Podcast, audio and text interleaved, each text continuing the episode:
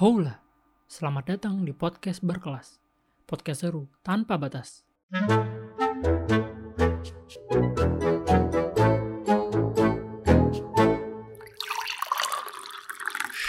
Udah, dengerin dulu aja.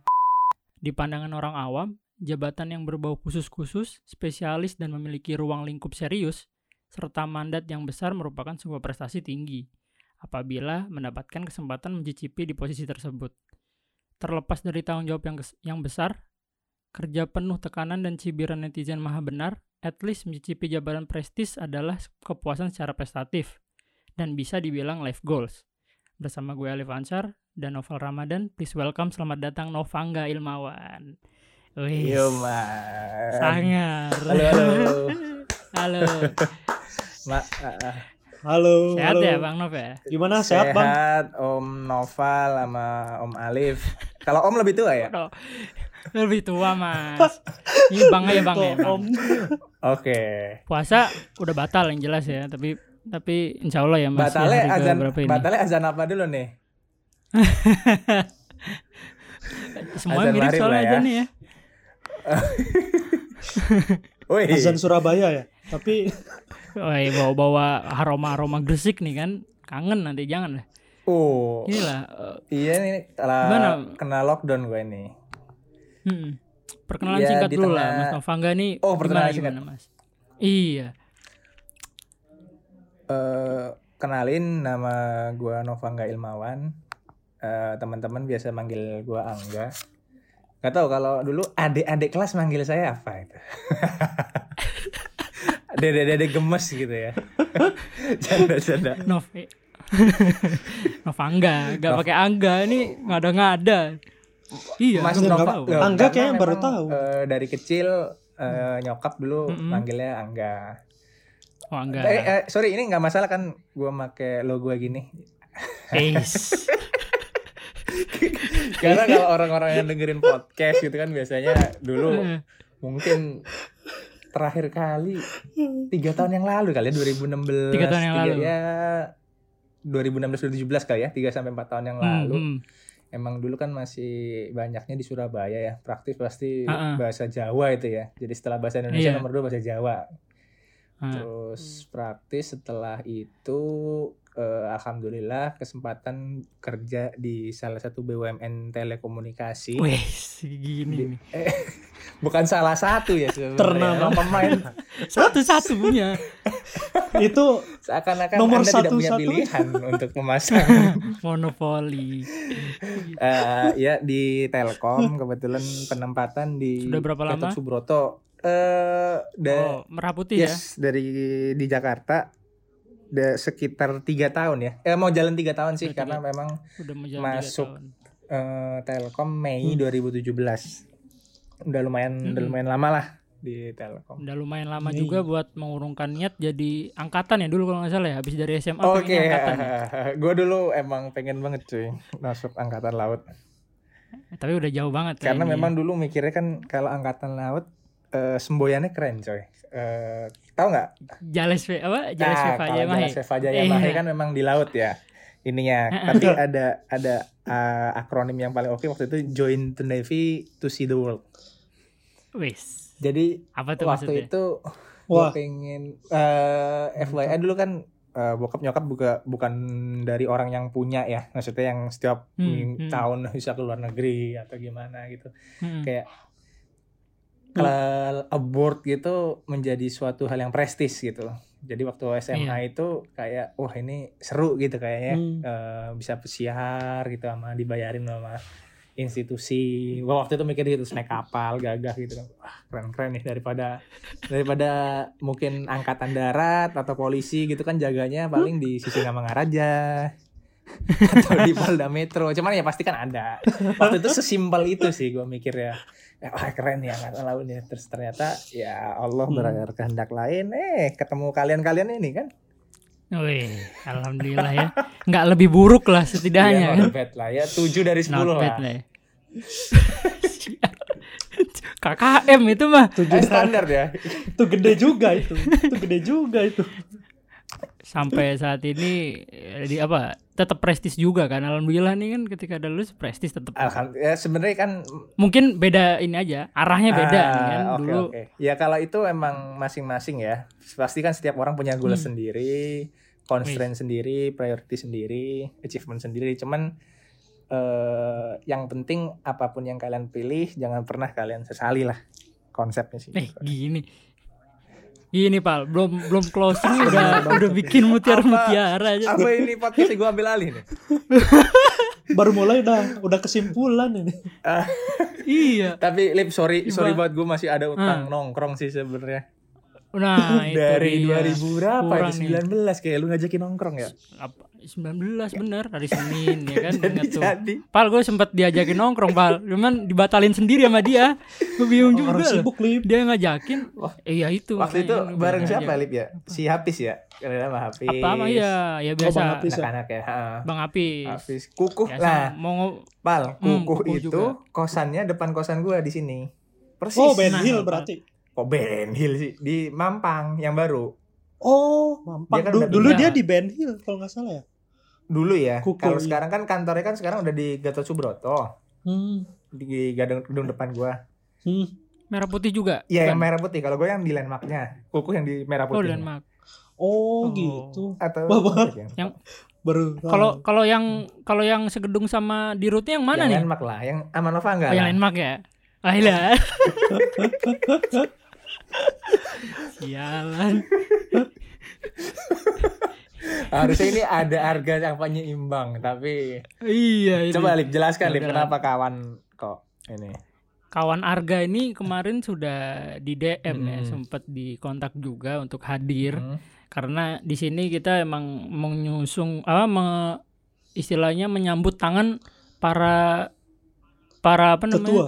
Istilahnya Khusus itu ini Ho- Ho- Belum, belum, Hokage, belum. Hokage, Hokage. belum. Hokage. Wah iya Hokage. para iya mengambil tangan para Oka- Hokage Wibu gitu ya, yang namanya. di birokrat. yang terprosok di birokrat makanya Siap, kita siap. ayo ini ada panggung. Oke, oke.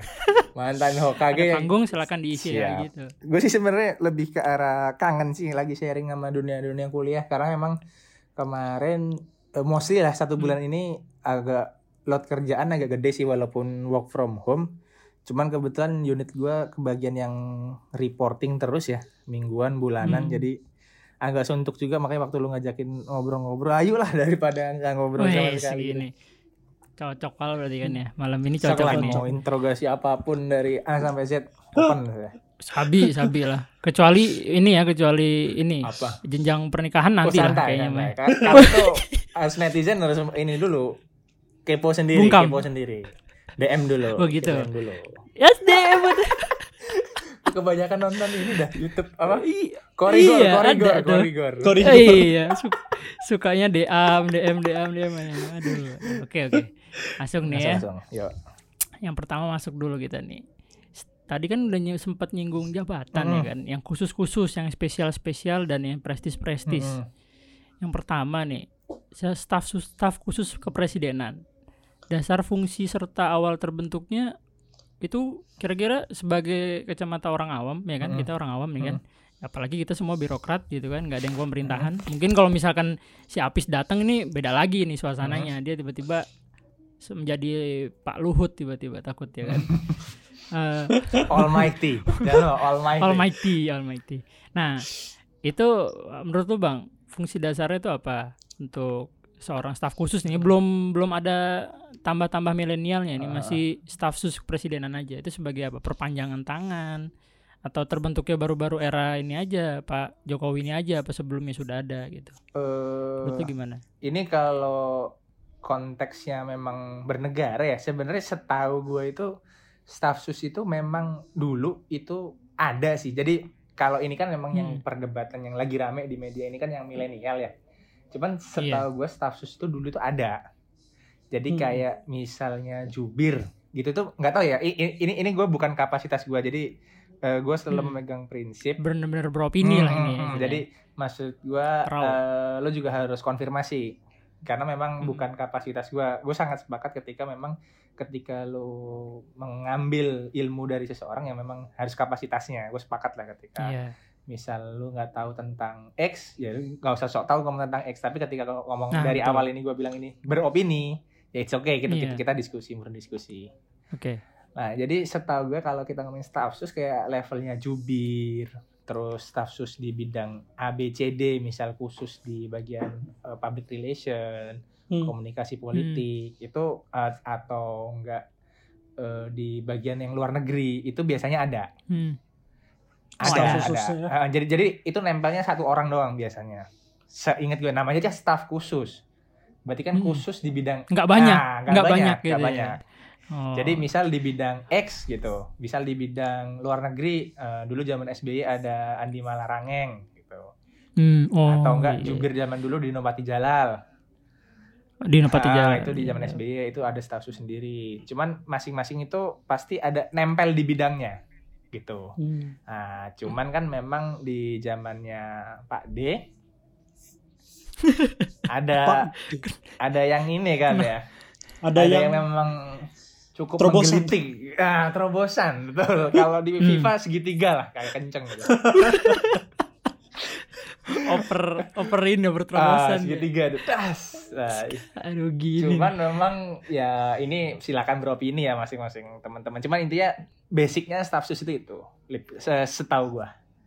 Tapi gue juga agak curious sih, eh, staff sus ini setara apa ya? Maksudnya ketika di nah, pemerintahan itu itu, dia. apakah setara menteri kah atau eselon berapa ya mas pakai staff sus ya? Apa dia mau masuk ASN ya? Masuk masuk. Kalau kalau itu masuk Oh, karena kan masuk. misalkan Masuk ya. Karena itu kan pasti dari perpres. Cuman maksudnya Hmm. sebagai tingkatannya eselon eh, Berapa dua gitu. atau satu atau non struktural nggak tahu. Nah, ini apa namanya kalau misalkan ya ketika digandengkan dengan kata milenial ini akan berbeda Hmm, gitu loh. Apa namanya entah itu job desk-nya, apalagi yang sekarang ini kan eh, bisa dibilang ya itu job job desk-nya aja kita belum jelas. Hmm. Seorang staff sus aja ya secara orang awam kayak kita-kita Hmm. gini ya mungkin ya yang yang kita menerima beritanya dari eh, media maya dan dan apa TV misalkan Hmm. itu nggak begitu jelas eh juknis atau petunjuk teknis seorang staff sus itu apa gitu job desk-nya itu seperti apa apalagi ditambah dengan Milenial. nah di sini nambah lagi wadahnya nih ngomong-ngomong katanya itu sebuah ini sebuah apa wadahnya Pak Jokowi untuk bertukar pikiran saja sama si status milenial ini jadi dia nggak punya yang kita tahu kalau misalkan itu sebuah wadah aja buat diskusi jadi dekat dengan Pak Pak D gitu yang action tuh tetap Pak D berarti kan ya si staff susnya nih udah nggak usah ngapa-ngapain gitu cuman ya, istilahnya teman brainstorming aja ya levelnya ya. insight Iya. baru kali ya. Insight. Ah, Nah, menurut menurut apa Bang Novangga nih eh, dengan apa yang kita lihat seperti itu, apakah itu sebuah apa ya bagian yang sangat prestis mungkin kelihatannya ya kan? Namanya stafsus kepresidenan. Milenial muda ya kan untuk menyambung tangan eh, kacamata milenial gitu. Cuman ketika kata eh, berapa bulan ini apa enam bulan empat bulan ini yang kinerjanya mungkin malah kelihatan skandalnya daripada hasilnya mungkin beberapa orang ya di bidangnya kayak semacam Belva itu udah bikin beberapa program dari dia pengembangan dari ruang gurunya gitu kan itu dia bikin eh, semacam terobosan-terobosan baru Yes. berbasis ya IoT lah ya 4.0 gitu kan cuman untuk yang lain nih yang, yang belum punya track record apa-apa sama empat bulan ini belum punya produk apa-apa sama empat bulan ini tiba-tiba muncul skandal kayak begini Hmm. itu apa enggak makin miring gitu apa namanya pandangannya belum berproduk apa-apa cuman udah melakukan skandal gitu yaitu ko- konflik kepentingan ya politik kepentingan itu gimana menurut bang? Hmm, jadi sebelum kita melangkah lebih jauh ya, yang pertama Hmm, iya. ketika lo memutuskan untuk masuk ke birokrasi gitu ya, entah itu namanya staf Hmm. khusus ataukah tenaga pembantu atau apa pun itulah namanya, Hmm. eh, first thing first lo harus pastiin lo nggak ada conflict of interest. Itu sebenarnya yang memang menurut gua cukup krusial ya. Eh, that's why kenapa sebenarnya ketika kita di posisi publik ya kelak nanti misal kenapa sih kenapa kok ketika jabatan dirut gitu ketika lo ntar ngadain tender gitu ya lu akan pasti mau nggak mau mau se- sebersih apa pun ketika misal memang tender nanti dimenangkan oleh PT lu orang kan akan nanti berpikiran X Y Z Hmm. terlepas lu mau bahkan menjustifikasi ada buktinya seperti Hmm, apa Bener.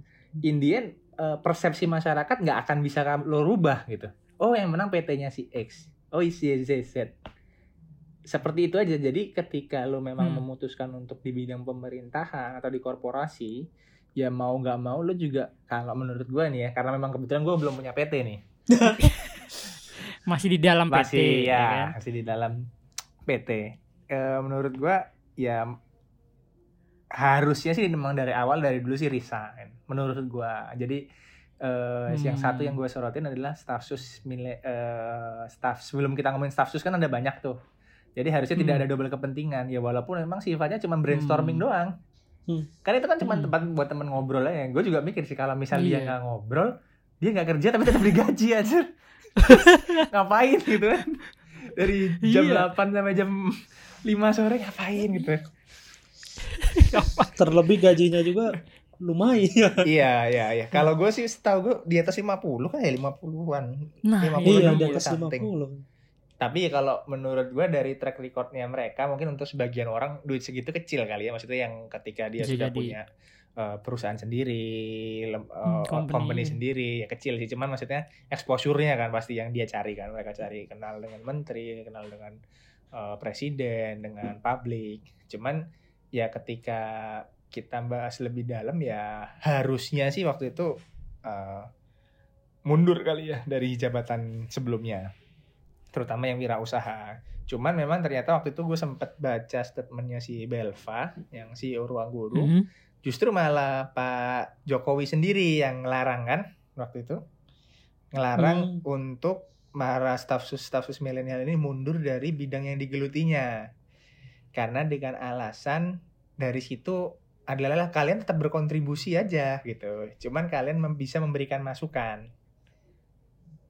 Case-nya kan Hmm. gitu lah udah tuh jalan tuh kan 4 bulan entah ya maksudnya ketika dia perusahaannya jalan running kontribusinya untuk negara running kalau kita ngomong positif positif gitu kan akhirnya ketika ada case-case lebih lanjut seperti inilah yang maksud gua akhirnya ya, ya ya yang kita tidak inginkan ya terjadi kan. Walaupun dia mau pembelaan seperti ABCD masalah kartu prakerja apakah kemarin yang bantuan Kemendes gitu kan. Kemendes, Uh, mau ya. mau lu mau se klarifikasi model apa pun asumsi masyarakat pasti akan yang oh yang dipilih perusahaan ini gitu. Jadi ya Hmm. lu harus siap dengan itu. Notes notes notes gue itu sih yang kedua. Terus yang ketiga yang agak yang gue sayangkan lagi adalah penunjukan kriterianya Hmm. yang menurut gua ini harusnya kemarin bisa eh, dijadikan momentum entah ya Kementerian Pemuda Olahraga atau entah kementerian terkait lah. Jadi Hmm. ketika proses seleksi 12 orang ini nggak tahu lah istilahnya. Pasti kan punya pertimbangan lain kan. Harusnya kalau kalau gue jadi Hmm, hmm, presiden ya i- Wih. ini ini menjadikan salah satu contoh kalau pemerintahan gua inklusif.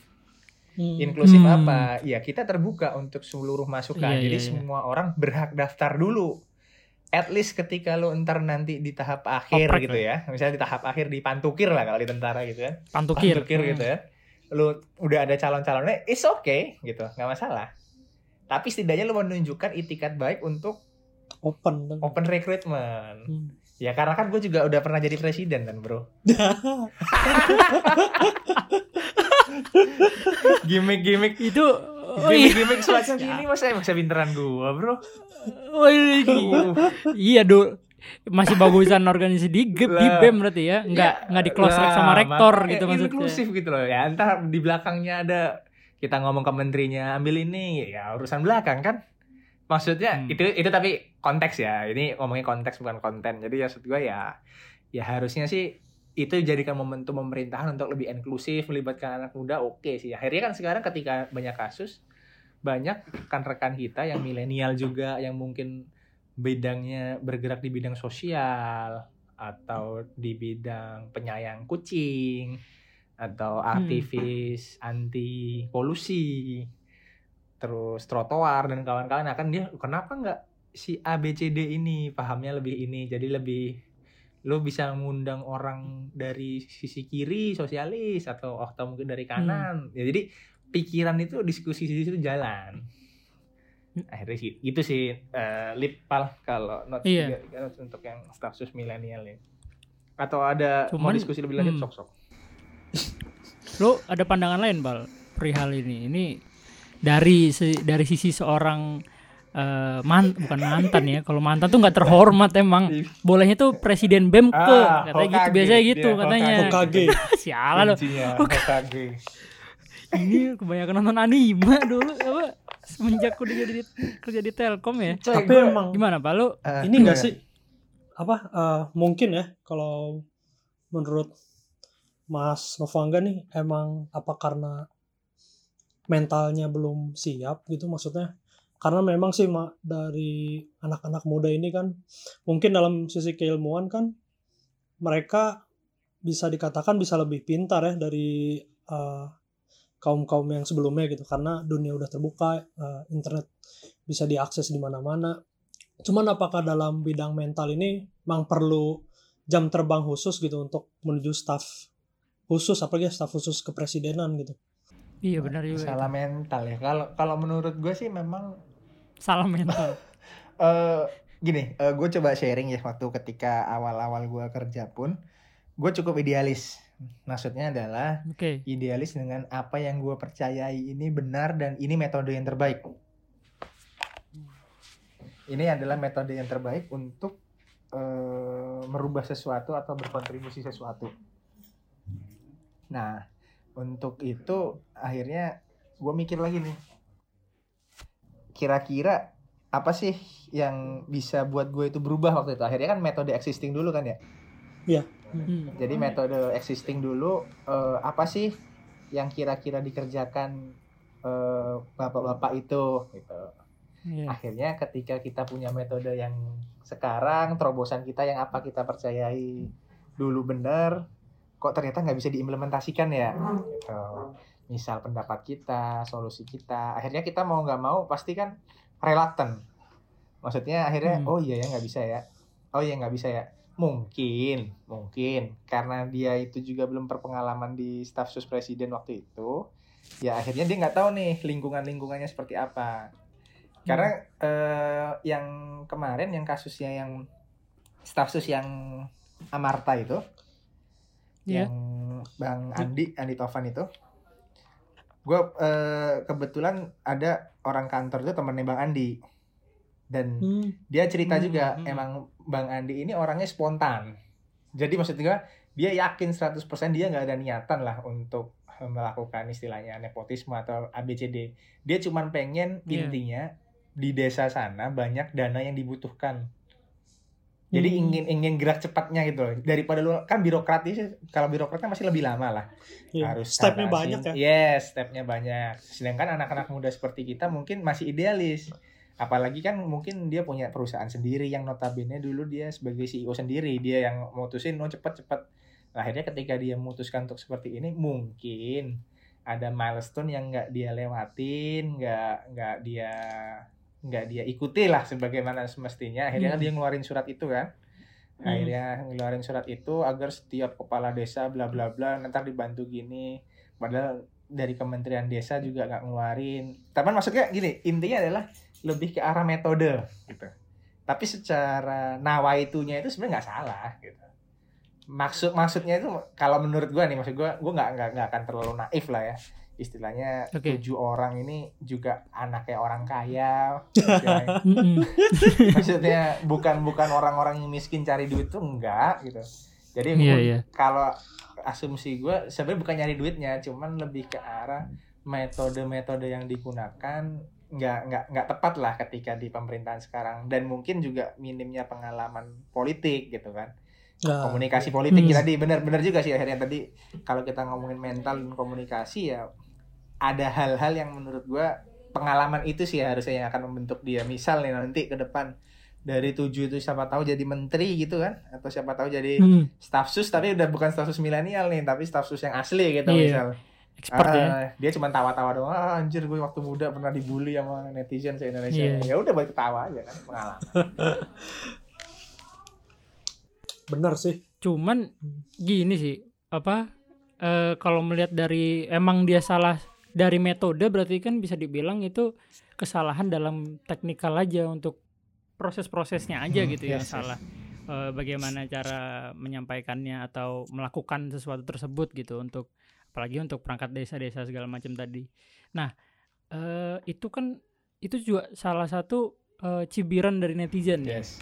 dan apalagi kemarin sempat gue sempat ini juga sempat diskusi sama Hafiz so, seorang marin auditor iya di salah satu kementerian di RI ini yaitu Kementerian Perhubungan dia sempat menyinggung masalah ini dia mencoroti uh, adanya kesalahan-kesalahan kayak penggunaan kop secara administratif Oke. istilahnya oh itu berarti kan merupakan apa ya ya bukan istilahnya eh, tidak adanya pelatihan gitu walaupun Hmm, dia yes. seorang eksekutif muda ya Hmm. kan walaupun dia seorang eksekutif muda di korporasinya masing-masing cuman ketika udah masuk ke ranah pemerintahan Hmm. tentang politik segala macam itu dia pasti memiliki prosedural yang benar Hmm. gitu bagaimana cara menggunakan yang paling dasar cara menggunakan kop Mhm. dari ya kita ya yang cukup prestis ya. itu. Mm-mm, saya terkait itu bagaimana cara kalau misalkan ke A itu harus pakai kopi ini segala Hmm. macam itu kemarin sempat disinggung nih sama Bang Hafiz yang di mana itu merupakan sa- kesalahan yang fatal Hmm. dan itu ya nggak bisa ditolerir Yes, sebenarnya. menjadi seorang staf stafsus muda itu nggak semestinya memiliki uh, big idea aja gitu. Cuman yang standar kayak gitu masih salah gitu.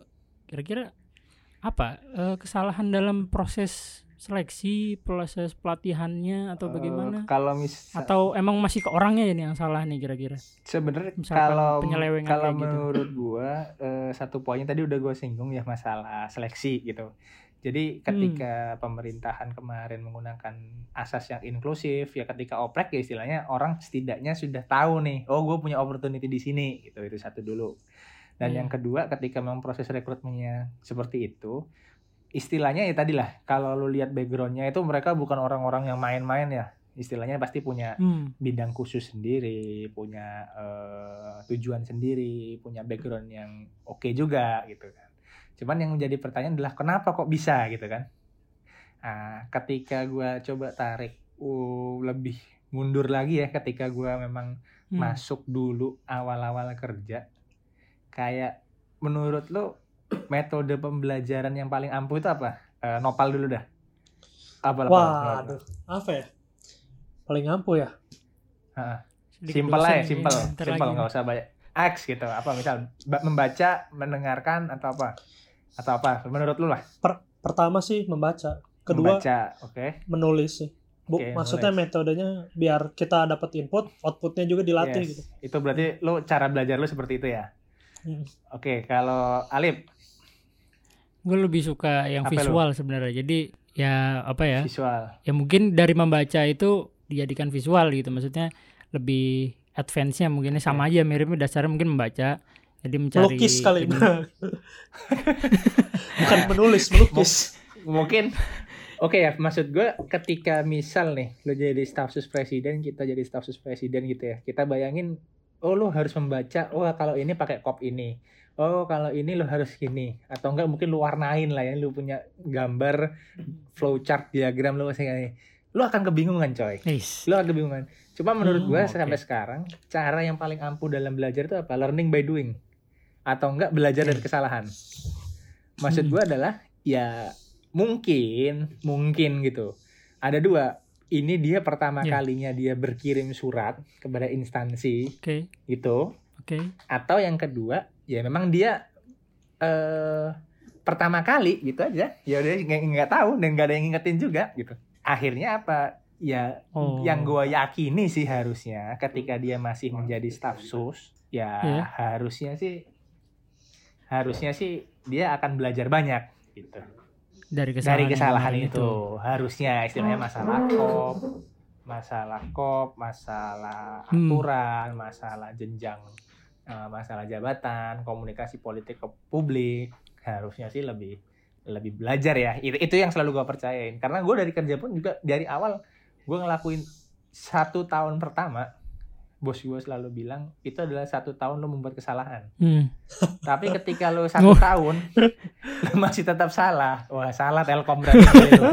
itu simpel aja gitu kerjanya gitu ya ya lo anak industri pasti kan nggak akan tahu gimana caranya ngitung bandwidth gimana caranya ngitung Hmm, keuangan yang lebih dalam PNL tapi kan ketika lu learning by doing entah itu apa pun lalu akan menguatkan dengan membaca atau lu buat diagram Iya. sendiri lu rapiin itu metodenya cuma intinya adalah lu melakukan itu dan sendiri gitu oh salah oh lu benerin nggak gue nggak percaya ada orang ya mungkin ada lah orang-orang yang melakukan sekali langsung perfect gitu enggak kalau gue sih nggak percaya Hmm. bukan orang-orang seperti itu itu sih poin-poin Oke. gue live untuk apa ya pembelajaran Iya. kita semua lah Cing, Hmm. omongan gue oke juga lah ya masih jadi presiden lah ya Oh ini bentar lagi jadi ini pak apa? SP, Oh, serikat SP, pekerja. SP, Apa? bos. Oh, udah. Kagak. SP Telkom. capek capek capek capek dia- capek cuy itu oh, ya, itu harus kuat lah gitu, Pak.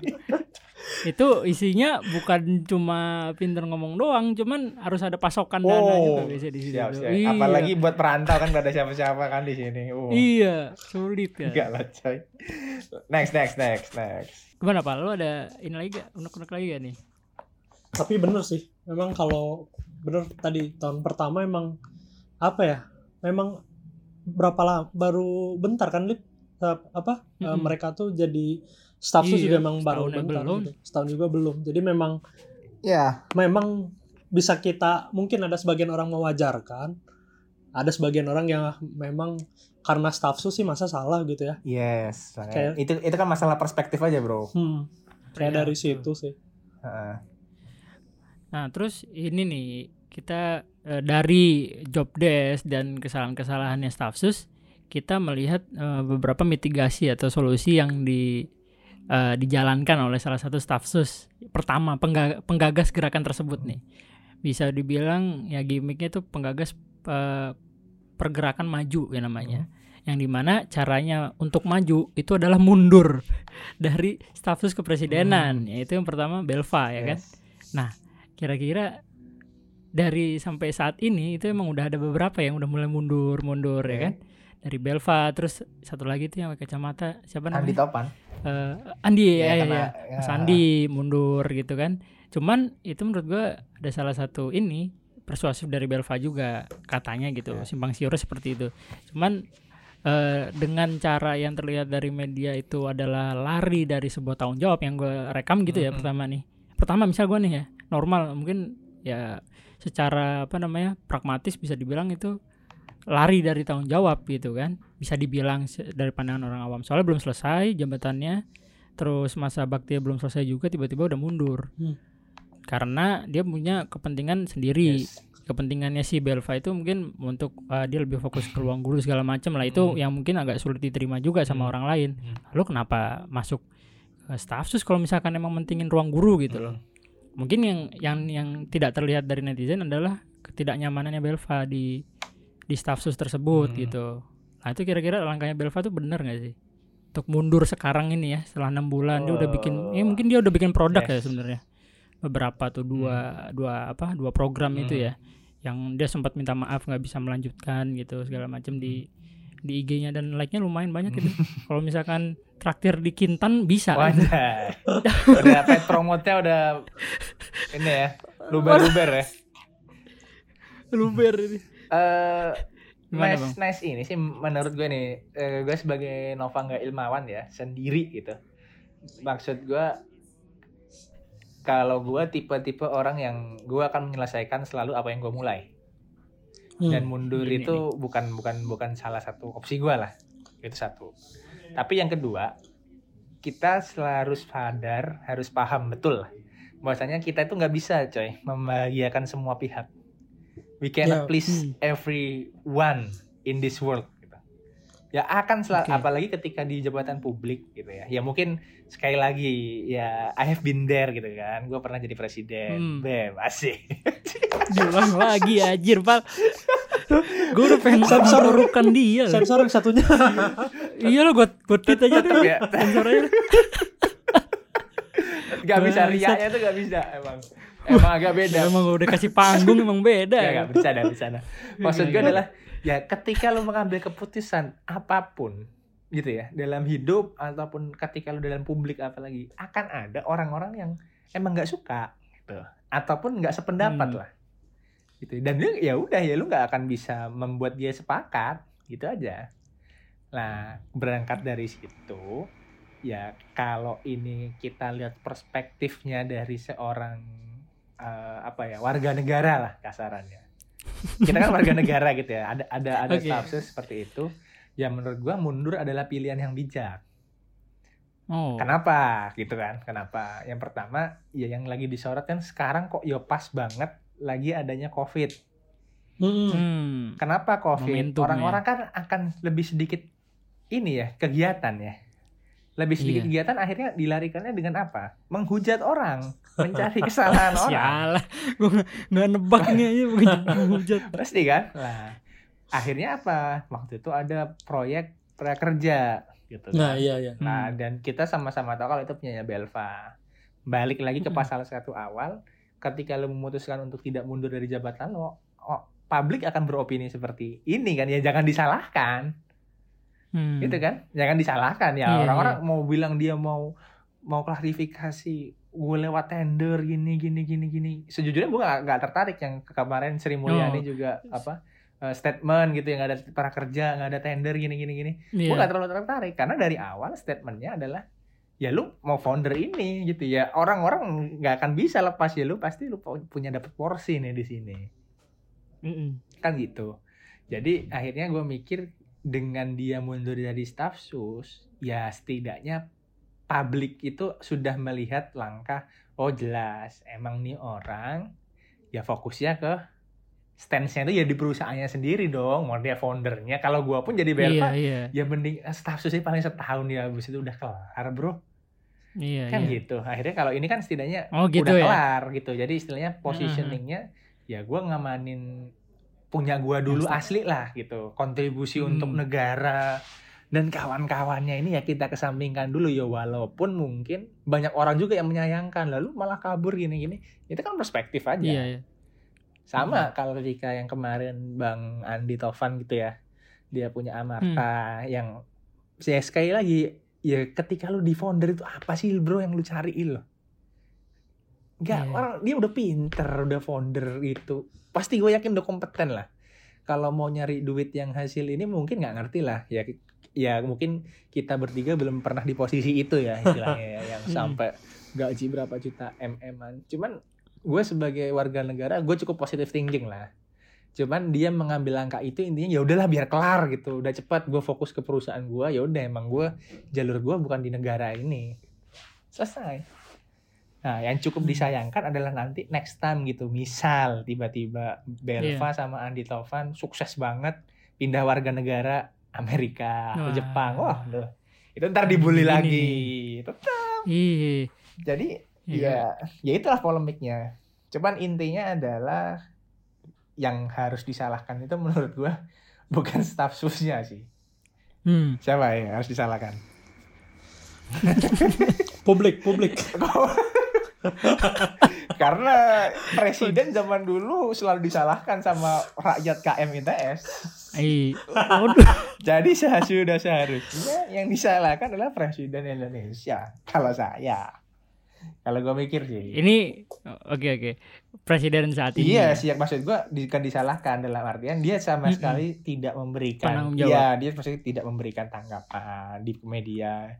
Iya. Harusnya seperti ini, dia ngaku salah kayak atau eh, Belva sama ini dipersilakan mundur lebih fokus. Setidaknya adalah statement ya, itu kan ya udah dibiarkan mengambang saja kan, Mm-mm. ya udah. Dan Iya sampai saat ini emang masih yes, ngambang dan itu. kebetulan momentumnya kan lagi krisis COVID-19.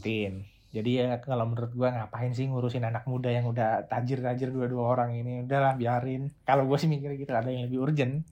Ya penanganan Iya COVID. benar benar. That's it. Lagi, Pak D lagi pusing soalnya. Iya. ya waktu itu kan juga kalau nggak salah yang almarhum ibunya ya juga Oh iya iya. habis Hmm, wafat. pas ya. Jadi maksud gue ya, Momennya ya. ya agak agak agak susah juga sih. Nah, perihal ini juga perihal wadah seorang posisi atau ya dari posisi tersebut itu kalau ditinjau lagi misalkan nih udah lah ya si Belva keluar Eh. terus si Andi Taupan keluar segala macam dan masih ada sisa-sisa kan apalagi Putri Tanjung lah segala macam kayaknya masih nyaman sepertinya masih berniat untuk apa ya merubah kacamata publik dengan gebrakan dia mungkin ya Yes.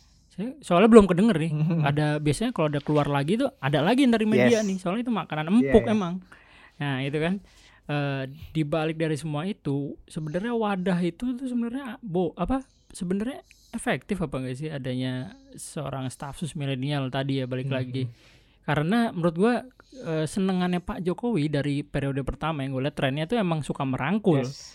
Merangkul milenial, Iya. cuman nggak nggak sampai membuat wadah Iya. seperti sekarang. Jadi kayak misalkan itu suka apa namanya kemarin sempet yang gue notice karena suka main motor ya motoran-motoran Yes, itu. yes.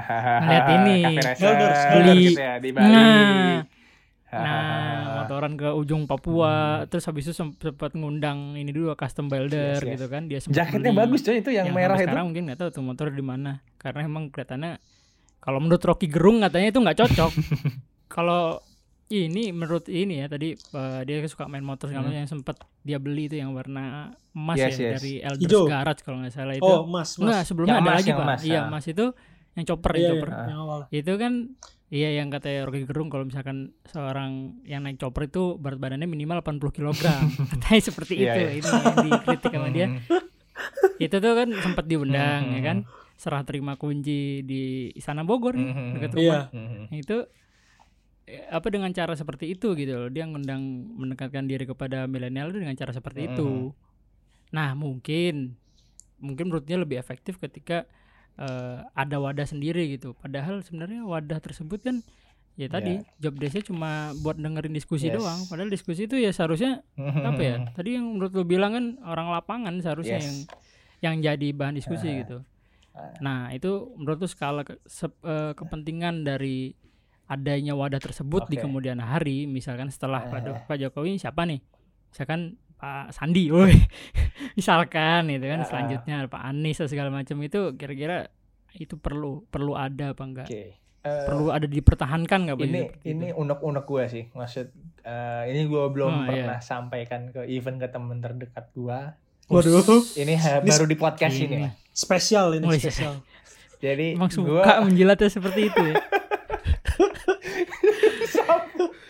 jadi maksudnya gini hmm, Indonesia itu ada masalah besar di part yang namanya keterwakilan nah, keterwakilan apa sih Keterwakilan. keterwakilan keterwakilan apa kita sebenarnya ada yang namanya keterwakilan di negara namanya Dewan Perwakilan Rakyat iya Iya nggak? Maksudnya kita, kita Ya. memberikan suara kita, kita diwakili oleh DPR gitu. Oh iya iya. ya. Keterwakilan kan? Kita kita, Hmm, kita diwakili nih keterwakilan. suara kita ini. Oke, Iya. kita pengen seseorang yang memimpin negara ini. Gitu. Kita wakilkan nih, lewat mana? Kita lewat suara kita. Di Prabowo kah? Di Pak Jokowi kah? Apakah di siapa pun itulah nantinya. Keterwakilan. Cuman intinya adalah prinsip dasar keterwakilan itu apa sih? Kita mau dipimpin. Iya kan? Harus mau dulu ya. Berarti. kita harus mau dulu karena kita sudah sepakat suara kita sudah diwakili dia Hmm. Mm-mm. gitu kan akhirnya yang menjadi pertanyaan adalah ketika suara kita ataukah ketika mungkin kehendak kita tidak diwakili oleh yang sudah kita beri suara apa yang kita lakukan? Nah yang dipertanyakan adalah Hmm. sekarang kan mekanisme kontrol. Gue waktu itu selalu bilang sebenarnya DPR itu nggak nggak kerja itu bukan karena salah dia juga gitu. Karena mungkin kita kita ini juga nggak cukup peduli untuk tanya dapil Gresik itu siapa? Hmm. dapil Bogor itu siapa? Atau mungkin eh, Depok lah siapa? Dan tahu nih oh kebijakan ini setidaknya kita chat lah. Atau mungkin kalau di Jakarta itu ada apa sih Clue ya? Ada platform yang kayak Iya, iya, yang iya, benar. open governmentnya. Isi Op- iya iya isi iya clue open, benar. open government apps-nya lah kayak laporan Hmm. atau apa. Maksud gue adalah itu salah satu bentuk partisipasi lo sebagai warga negara dalam tataran pemerintahan nah balik lagi ketika kita ngomong milenial berarti kan yang menjadi pertanyaan adalah dia para milenial yang mewakili kita kita ini nih yang sedang usia produktif ya nggak? Iya. Benar nggak Pal? Ya benar. Maksud gue adalah yang yang gue pertanyakan sekarang, oh iya apa dia bisa mewakili kita gitu. Oh kalau Hmm. kalau kalau Hmm. kita secara overview gitu ya permukaan, oh iya benar, pintar, orangnya cerdas, wibawa, ganteng atau apa apa ya. Cuman yang menjadi Hmm. pertanyaan lanjutan adalah apakah yang kita yang sudah kita kan kita nggak memberikan suara waktu itu. Iya Nah, benar. maksud gue kita nggak sepakat kalau ada. kalau itu Mm, mm, mm. sorry kalau dia perwakilan dari kita kan enggak tapi gue juga nggak sepakat juga ngapain staf sus milenial pakai Hmm. pemilu gitu ngapain? Iya iya. Ya, cuman intinya Satu-satu. adalah bagaimana para milenial itu berhasil merangkul milenial seluruh golongan. Itu Hmm, keywordnya. Jadi ada mungkin golongan-golongan milenial di Indonesia yang tidak terwakili. Itulah pentingnya sebenarnya kalau gua dulu waktu menjabat gitu ya ini Balik ini lagi. komunikasi Lanjut. politik. Maksudnya adalah Oke. lo harus punya nih minimal satu menteri di setiap fakultas. Itu bukan apa-apa. Karena setidaknya Hmm. lo ini ngomongin keterwakilan. benar benar. Ini Oke, bahasa oke. politik sebenarnya. Ba- dalam artian, oh bener juga sih misalnya Jokowi udah ngambil yang Billy Mambrasar dari Papua. Ya. Tapi apakah dari Papua juga keterwakilan itu? Ternyata kan banyak tuh artikel-artikel. Mm-mm. Oh enggak, ternyata cuma numpang. Iya, iya, bla, iya, bla, bla bla bla bla lah. Yang menjadi pertanyaan apa kok bisa hal itu terjadi? Gitu Oke. kan? Ataukah mungkin oh ngam- ngambil dari pengusaha anaknya Putri Tanjung, eh anak anaknya Khairul Tanjung. Heru Tanjung. Hmm, nah, si Putri Tanjung misal. Oh ternyata ngambil dari orang Padang gitu misal eh, Bukit Tinggi gitu misal misalnya Mm, atau mungkin Misalnya. dari kalangan korporat. Intinya adalah ada dasaran-dasaran ketika kita menanyakan ke seseorang itu, oh dia mewakili ini loh, mewakili mm. kelompok milenial ini loh, gitu. Cuman Hmm. kan ya tujuh orang itu kan juga nggak mungkin bisa mewakili semuanya, tapi at least, Semuanya betul. at least ada komunikasi yang terbentuk. Ada komunikasi-komunikasi antara status milenial dengan warga Twitter yang jempolnya lari ke mana-mana, ya kan? gitu sih. Jadi, jadi akhirnya yang menjadi pertanyaan next time ketika misal our president in 2020 Four ya. 24 ya 2024 Tadi four. kelak gitu ya entah siapa pun itu Ridwan Kamil amin eh anjing malah kampanye An- Wakilnya wakilnya wakilnya. Gak, gak tahu. Pokoknya intinya eh, kan santer kan itu juga. Hmm. intinya kalau menurut gue status milenial cukup perlu ya karena ada keterwakilan di situ. Dengan harapan memang dia Oke. bisa mewakili. Udah gitu aja sih sebenarnya.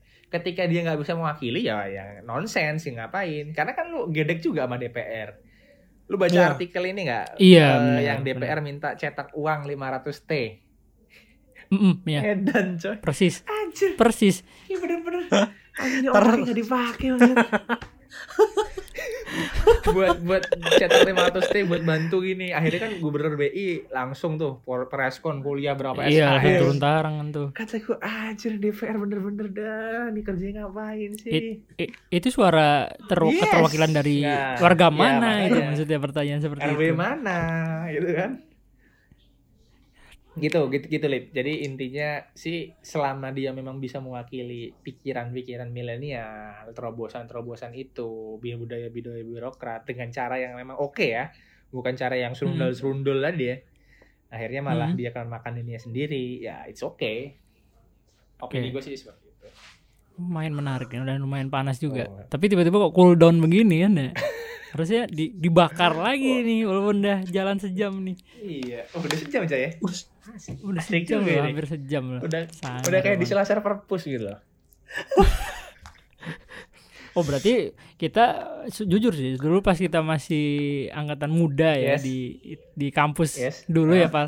Itu sebenarnya telisik dari Novangga Ilmawan jadi salah satu capres BEM nih kan.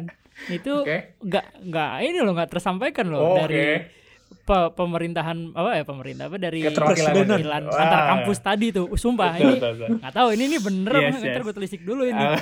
dulu siapa sih menterinya ini bisa Bener di, nggak sih dari bisa dari- dicek apa bisa dari dicek pasti FTI Oh, oke even Oke. even kompetitor pun dari timnya Fauzan Fikri pun juga Waduh. saya undang juga maksudnya waktu itu saya nih.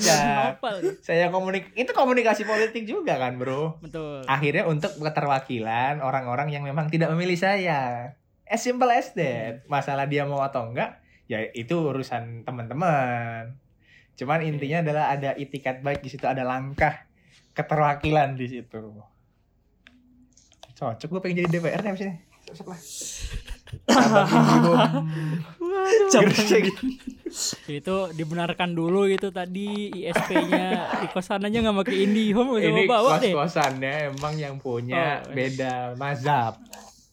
Hmm, mau beda beda Beda beda mazhab. mazhab. memang. Mazhabnya bukan mazhab Indihome jadi nggak bisa kita salahkan. Oke. Demokrasi seperti ini bro iya benar benar demokrasi itu bukan Netflix lancar ya di situ. aduh udah disinggung-singgung Netflix ini bisa satu SKS ini saya kuliahin anda anda ini Wih, sih, gini nih. Ini per, berarti Telkom ini perpanjangan tangan dari Pak Joni Jiplet ya ini. bisa oh sangat Dia kayak, budak wah, ya levelnya deh Joni Piring Wis. Lo apa Bal? Ada lagi Bal? Yang ini nih. Ya perihal status sih gue bingung nih ya Belva ini. Dia Tapi kalau melihat kebermanfaatan sih memang menaik ya udah tepat sih gitu. Hmm. Belva ini kayak mundur soalnya dia sebagai staf sus presiden kan maksudnya dia cuma mengutarakan pendapat kali atau uh, Heeh. Pak Presiden pengen konsultasi. Cuman Yes. dilihat dari apa yang Belva dirikan sama oh, apa Iman Usman ya bikin Iya, iya, ruang guru. Iya, Iman Usman. Dia mungkin melihat bahwa ruang guru ini memiliki apa ya dampak yang Yes. lebih lebih gitu ya Lebih daripada dirinya yes. di di kabinet Jokowi gitu. Kayaknya memang apa ya? Tepat sih kalau menurut saya pribadi sih opini Oke. sih. Hmm. Kalau kalau kalau sih. gue sih tadi eh, tepat. Cuman Alip eh, nggak boleh tepat biar diskusi. Nah lo Iya gimana emang cara emang ya tadi enggak tadi kebetulan mantep juga Ah, kan nggak tepat. Oke. Soalnya di awal tadi kan gue malah menjadi salah satu orang yang berpikiran eh, ya kalau nggak salah eh, kelompok pragmatis ya, Yes. yang di mana lu ninggalin Nah, tanggung jawab. Tadi malah gue Hmm. Iya, iya, membuat eh, stigma seperti Iya, iya, itu, iya. makanya malah dikeluarkan. Nah gitu ya. ini ya iya. Nah ini justru gini nih. eh seorang ini ya, seorang Belva atau Andi Taufan, Putri Tanjung dan lainnya nih, misalkan ya, kita bikin in case eh kita menganalogikan ketika dia mendapat undangan tersebut. Pastinya undangan itu bisa kan eh, diibaratkan dari amplop putih ya kan. Yes. Amplop putih berkop eh, tanda bintang itu kan Republik Indonesia bercap emas. dan nah, ditujukan sebagai belva ah mas gitu kan nggak tahu tuh nah itu terus dilem ya kan dilem secara rapi gitu kan terus bisa dibuka sama masing-masing tujuh orang Hmm. tadi ya kan Hmm. kalau nggak salah emang langsung tujuh itu kan nggak Hmm. ada Nggak ada sendiri. apa namanya Batch satu, batch iya, dua nggak ada ya? elemen nggak Iya. ada Hmm. nggak ada Nggak ada Kalau- OJT OJT yang diangkat sama nggak nggak ada kalau GPTP itu kan ada satu dua ya Mulai menyerang Bung. nah ini kan nggak ada nih langsung tujuh Yes. ini langsung jadi Yes, yes, gitu kan nah kira-kiranya Hmm. ya kan ini dan dan mantapnya lagi bisa jadi bahan ada kompor kita ini kan Hmm. bahan bakar kita ini tujuh tujuhnya tuh eh, menerima gitu loh bingungnya herannya itu tujuh tujuhnya menerima Hmm. kiranya kalau kita bisa menelisik di balik apa ya postur atau gesturnya dari masing-masing orang Hmm. ini kira-kira kelihatan nggak niatnya apa dan misal tekanannya apa seperti apa gitu ketika dapat Hmm. ini amplop tadi itu Hmm. ketika amplop tadi ya kan terus seolah-olah itu istilahnya punya pilihan dan tidak punya pilihan gitu Hmm.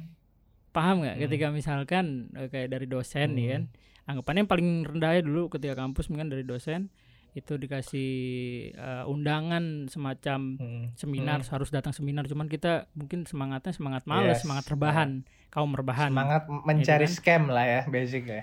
ya cuman kita cuman ternyata eh, semangat untuk rebahannya ternyata lebih tinggi Hmm, gitu kan itu dia menjadi salah satu apa ya eh, menimbulkan sebuah tekanan yang di mana kalau ketika menolak ya kan ketika menolak ini ajakan se- seorang presiden nih kan seorang dosen nih Yes. kan yang di mana ya Etis ya. tidak langsung walaupun ini negara demokrasi itu semacam nodong gitu loh maksudnya Hmm. berat ini buat nolak berat Hmm. gitu kan berani apa Hmm. enggak itu justru malah mental itu mental si masing-masing Hmm. staf sus ini yang diuji gitu dari eh, dari sebuah case tadi Hmm. gitu kira-kira emang apa enggak ada ke- kesempatan untuk bisa menolak dari masing dari apa dari tujuh orang tadi itu gitu Ah, kalau melihat dari gestur politiknya dia iya. Yang kita bisa bilang eh, dia menerima semuanya gitu dan menerimanya itu nggak ada yang istilahnya ya mungkin kita nggak denger ya Yes, yes. Eh, apalagi bahasa hatinya gitu misalkan wah gue sebenarnya nggak mau Ah. nih ya tapi cuma dalam hati Iya. aja ya nggak berani ngomong ke media Iya. gitu apalagi apalagi masuk di iklannya ruang guru wah sebenarnya gue ditawarin nih guys gitu kan nggak mungkin kan Eh, seperti bia- itu biasanya sih di snapgram terus layarnya hitam tulisannya Iya. kecil gitu pakai lagu Eh, terima nggak ya jam berapa jam satu malam gitu. Besoknya Nah, pakai apa? kan pakai profil bisa- picture hitam itu. iya makanya pakai akun teman gitu kan so- seolah-olah ya itu Mhm. sedang di Mhm. rundung galau apa Mhm. segala macam nah kira-kira dengan tekanan itu datangin dari seorang presiden langsung Mhm. itu kan istilah istilahnya dia langsung Yes, presiden yes. walaupun emang yang Aha. buat yang buat suratnya Ah. mungkin dari staf yang Yes. lain gitu kan intinya dari Pak Insinyur Joko Widodo dia monggo Belva ini ada tawaran gini-gini nah kira-kira tekanan semacam apa gitu Mhm. yang bisa eh apa ya membuat jawaban itu menjadi oke Pak saya Hmm. jalankan gitu Oke. Ja- menjadi tidak ada pilihan untuk maaf Pak saya belum Mhm. bisa membantu gitu maksudnya gitu kalau ya maksudnya kalau gue sih mikirnya memang ketika kita lah ini satu lagi kalau ini kan berarti kan sifatnya entah ini penunjukan kah nah, nah ini ini jadi akhirnya kita kembali ke fundamental tadi ya jadi menjadi Hmm. pertanyaan ba- mendasar gitu ya dan menarik sebenarnya cara paling optimal untuk me- merekrut staf sus milenial ini seperti apa gitu kan Hmm. kalau kita yang namanya rekrutmen berarti kan mau nggak mau tidak nggak suka tidak awet mau nggak mau suka nggak suka ya Hmm. anda berarti sudah siap mempertaruhkan jiwa raga anda jadi staf sus gitu cuman kan Hmm, setidaknya pemerintah sudah menyiapkan kriterianya nah ketika kita ngomongin penunjukan gitu kan penunjukan berarti apakah ada opsi untuk menolak ya gitu itu kan. Kalau gua sih mikirnya ya harusnya sih pasti ada opsi untuk menolak. Mm-mm. Pasti ada, ada. pasti cuman eh yang di tadi kan yang dikonsernkan itu apakah apa ya seberani apa. Gini, gitu maksudnya kalau konteksnya biasanya Hmm. ini pilihan-pilihan yang seperti ini. Anda boleh tidak menerima, tapi Hmm. Anda tidak boleh menolak. Eh. Tahu kan? Hal seperti ini paham kan? Jadi kayak ah, gimana nih anjir? Ya gue tapi lu gak bisa menolak, tapi lu boleh. Jadi kayak Hmm. konteksnya adalah seakan-akan lu dibuat punya pilihan. Ini sering terjadi sih sebenarnya dari kita. Itu kayak Hmm, hmm. seakan-akan mungkin top manajemen kita, atasan kita kayak Iya. seakan-akan memberikan BMT ya, opsi, memberikan opsi lu, mau lu lu akan diberikan opsi gitu seakan-akan. Tapi sebenarnya opsi itu tidak buat untuk lu ambil gitu. Jadi akhirnya lu mau nggak mau. itu itu yang gue Hmm. rasain sih cukup cukup gue rasain di tiga tahun ini ya gue kerja ini cukup banyak menggembleng gue lah dari segi ilmu kehidupan ilmu kerjaan ya at least ketika gue misal entah itu nanti kelak resign atau S2 ataupun entah Bus. balik ke Gresik nggak tau lah what next gitu ya cuman intinya gue belajar Hmm. banyak dan kalau gue mikir sih apalagi presiden sih ya yang nawarin Hmm, kecil hmm. lah bro kemungkinannya maksud gue adalah ya lu ada opsi untuk lu Iya, akan itu kenal dia. lingkaran gue pun jadi mikir ya ketika memang gue di posisi itu ya pasti akan gue terima dulu gitu maksudnya Coba adalah- dulu. Ya dibully lu sama netizen se Indonesia dengan kesempatan lu kenal ring satu Iya, presiden. Ya benar. betul. Exposure lu istilahnya di LinkedIn lu itu udah kebaca itu staff sus milenial presiden 4 bulan. Kalau kita ngomongin korporat sejati ya lo di LinkedIn lo lah udah status milenial gitu udah bisa Itu udah satu Ya, aja pal ya. udah bisa dijual gitu Terlalu menarik Jadi, sih soalnya. Eh, Pro- yes. Programnya juga baru Hmm. ada di tahun-tahun ini gitu kan. Belum pernah ada orang Yes. melakukan hal itu. Mm-mm. Maksud gue adalah gue sadar ketika nanti kelak di level eksekutif gitu ya, di strategic level. Mungkin ketika di Hmm. umur-umur 40 atau mungkin 37 yang lu butuhkan itu bukan skill gitu. Apalagi kan dia Hmm. rata-rata umurnya mungkin 33, 33, Iya, 37 lah lagi masa ya, 26, 26 ininya. sama 35 lah sekitar segituan gitu. Dia abis itu tidak butuh skill, lu tidak butuh Mm-mm. oh status bisa ngoding. Oh, status Iya, bisa iya. baca laporan laporan keuangan. Oh, status bisa pakai Iya. Adobe Photoshop, Premiere, jago, bla bla enggak gitu. Yang dia butuhkan apa? Networking. That's it. Oke. Nah, akhirnya apa? Ya harga sebuah harga networking ini akan dia oke, saya siap. Oke, saya siap. Iya ganjarannya Yes. itu ya. Maksudnya bayarannya tuh Ah, itu gitu. Akhirnya terlepas Setinggi itu. dia dipertanyakan oleh publik, dia sudah ngapain, impactnya apa, ini apa, ya itu harusnya memang tugasnya kita selaku yang tadi keterwakilan tadi menanyakan, oh ya, sometimes ketika gua pun dulu gitu ya, ini ini dihubungkan dengan ketika jabat ya, maksud gue emang isti- Emang cocok emang ini istilahnya- gua pemilih pemilih emang cocok pemilihannya tuh punya track record Maksudnya gitu. istilahnya Jadi- ada tanggung jawab ketika lu mau menanyakan, oh janji lu ini gimana gitu. Nah, oh janji gitu. mubes lu dulu gimana? Heeh. kan seperti itu. Jadi maksud gua Bawa-bawa. ada rasa keterwakilan lah di situ. Cuman ya Mm-mm. gue sebagai yang diterwakili oke juga maksudnya oh iya anjir gue diingetin walaupun gue bete anjir ya gue masih Iya, iya. punya utang ini gitu tapi kalau gak gituin Iya, ya iya. gue lempeng-lempeng aja kan itu bahaya juga itulah Hmm. makanya sebenarnya pentingnya mekanisme check and balance cuman dengan cara yang Oke. benar juga tentunya itu sih itu itu, itu pandangan gue Lip. Hmm. Berarti ya gua tadi sempat sedikit disimpulin ya. Hmm. Ya emang ada penolakan, maksudnya ada kemungkinan untuk menolak, cuman dari pressure dan mungkin Benefit- ya benefit lah. Biayanya benefit, benefit juga. ya. Iya.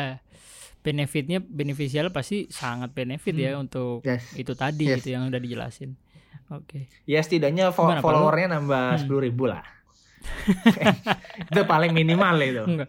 Minimal. Nah, kalau gue lihat sih kalau orang-orang yang kayak gitu tuh udah jarang story stories dia iya, bang. iya, iya. Iya, sekarang saya stories nih jebol ini view- viewersnya lihat aja. Makanya kalau sering-sering tuh Iya orang-orang pi- pinter kayak begitu tuh jarang gitu Nah, biasanya. dia gak punya waktu buat scrolling scrolling.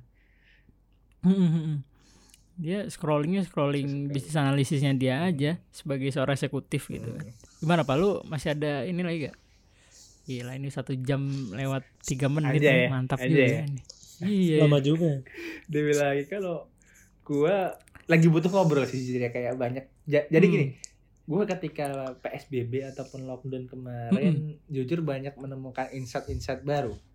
Entah itu di segi kehidupan, entah itu segi uh, skill gitu ya, corporate corporate skill atau apa pun. Cuman Hmm. intinya adalah sebenarnya masa-masa kita lockdown itu dalam setahun itu perlu lah kita seminggu lockdown. Menurut gua nih, ini ini ini pikiran liar gua ya. Hmm. Jadi kayak lu Hmm. pause ya, lu pause, lu berhenti sejenak dari kegiatan lembur lu, dari kegiatan nongkrong lu, ngopi lu, senja lu gitu kan. Iya iya. Lu udah berdiam diri di rumah sampai lu mikir, anjir, apa ya yang gue lakuin selama ini? Setahun lah at least gitu. Kayak oh iya, akhirnya lu realignment lagi aja. Set set set set set. Oh iya iya iya. Yeah, that's it. Iya bener sih. Setuju, Itu setuju. kerasa juga ya pak. Nah, tapi maksud Ya, gue ya, gua tadi gue ya nggak sebulan juga kayak sekarang. Iya. Kacau. ini udah Ya udah kelamaan. Kawan, sampai hari libur hari Kamis gue gak mau libur aja gak libur gak libur gak ada gak ada kan gitu udah sakit-sakit iya sekarang mau Sakit untuk ini rebahan. biasanya TGIF loh ini Ih, Enggak TGI. Nggak ada sekarang Thanks God it's Friday Jadi ada sisi baik ya dari lockdown itu ya. Cuman lockdownnya ya itu salah satunya berupa apa ya tadi ya, ya semacam check and balance juga kan. Hmm, yes. Kita ngecek ketika kita beristirahat Hmm. gitu kan. Sebagaimana eh, balancing kita hidup kita seperti apa. Hmm, Yang di mana tadi eh, bisa di realign lagi kan Hmm. untuk mengatur ulang. Yes. Apalagi tadi sempat gue beberapa saat ya, kalau nggak salah di stories lu ya Pal ya, gue ngeliat ngechat ngechat gitu loh. Ini ini jarang ini ngechat ngechat kamar buat apa dekor kamar itu Oh. emang Gue kira apa ngechat ya, sebuah ini Gue loh, kira ngechat-ngechat Ngechat- orang siapa. bukan ini apa chat kamar itu kan Ah. supaya refreshing. Emang Yes, emang beberapa Hmm. beberapa ming- minggu terakhir yang punya kamar pribadi ya mungkin kalau yang kosan mungkin nggak bisa. Kira Itu- ngikut deh lah. ya itu ya Mm-mm. itu malah bikin suasana ini baru gitu rumah baru apa suasana kerja baru karena emang kerjanya dari kamar ya kan itu mungkin ya kalau misalkan nggak lockdown nih nggak akan ada itu orang-orang di Yes. berkebun segala macam ini Iya sih. Cuman ya maksud gua eh kalau ini kan kita tinjau dari positifnya. Cuman emang lebih Hmm. banyak negatifnya lah. Di luar sana banyak orang-orang banyak yang negatif emang di PHK kayak Iya. apa Iya ya, sih. banyak yang pendapatan menurun istilahnya nggak stabil lah kayak orang-orang ini kan nggak nggak prepare lebih banyak mudorotnya lah cuman kalau kita mau lihat iya dalam ke setiap negatifan itu dalam setiap kegelapan itu kan pasti ada yang buat kita terang gitu kan oh Hmm. at least lah kita ambil hikmahnya dari sini dari sini dari sini karena jujur emang agak unik sih kalau kita ngomongin kerjaan gue ya di telco gitu justru Hmm. malah ke- uh, kebetulan Naik kebetulan gitu ya. sorry kalau gue kan memang di enterprise ya gue di telkomnya telkom bagian Hmm, enterprise enterprise. kalau Hmm. enterprise turun karena memang banyak pelanggan pelanggan project-project kita yang delay barang Hmm. dari China nggak bisa Hmm. masuk device-device gitu nggak bisa masuk terus internet-internet di kantor juga banyak yang minta tunggakan Eh, istilah server-server Hmm. data-data juga nggak bisa maksimal project-project barunya itu di enterprise tapi ya, Oke. ada tapinya yang namanya Hmm. retail consumer istilahnya kalau diri kita consumer IndiHome Hah, itu hah. sehari se Indonesia pasang baru itu bisa sepuluh ribu rumah Pasang baru. itu rekor itu gue salah selama ini ada pasang baru Bayangin lu satu hari di 10.000 Indonesia, itu rumah. ada sepuluh ribu rumah yang pasang IndiHome baru per hari bayangin lu per hari Per hari. selama ini berapa nih udah 30 hari berarti ya tapi rata-rata Anggapannya udah mostly, 30 hari mostly Iya, sekitar iya. enam enam ribu sampai ya. sembilan ribuan itu Iya. seluruh Indonesia jadi kayak kalau misal mungkin kita ngomongin masalah industri yang terdampak gitu kita net off jatuhnya kita nggak jeblok-jeblok banget karena enterprise-nya ditutupin enterprise wholesale telkomsel turun gitu ya misalnya Eh, kalau telkomsel so lah sebenarnya paket data kan sekarang pasti makin Hmm. makin makin banyak lah orang-orang makin YouTube dan kawan-kawan tapi akan terkompensasi dengan baik dari penjualan IndiHome Iya sih, banyak banget sih 10 ribu. Iya. Dan memang kebetulan eh First Media, kompetitor gitu ya. Itu kan masih Hmm. dikit jaringannya. Ah Jadi iya. keunggulan ki- keunggulan Yang- kita itu kan iya kan kayak makanya tadi lu gak ada Yang- pilihan lain. Bener-bener. Ya lu mau ngata-ngatain gak bisa Netflix, ya lu gak ada tidak ada pilihan lain daripada pakai gua.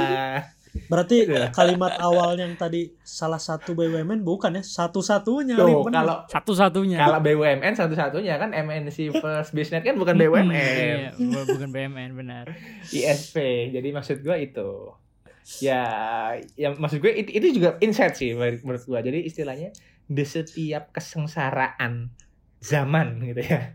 Ataupun misal lu ntar ada bencana di suatu desa atau apa, pasti ada seseorang atau unit atau seunggah makhluk hidup ataupun benda mati gitu Hmm. yang mengambil keuntungan.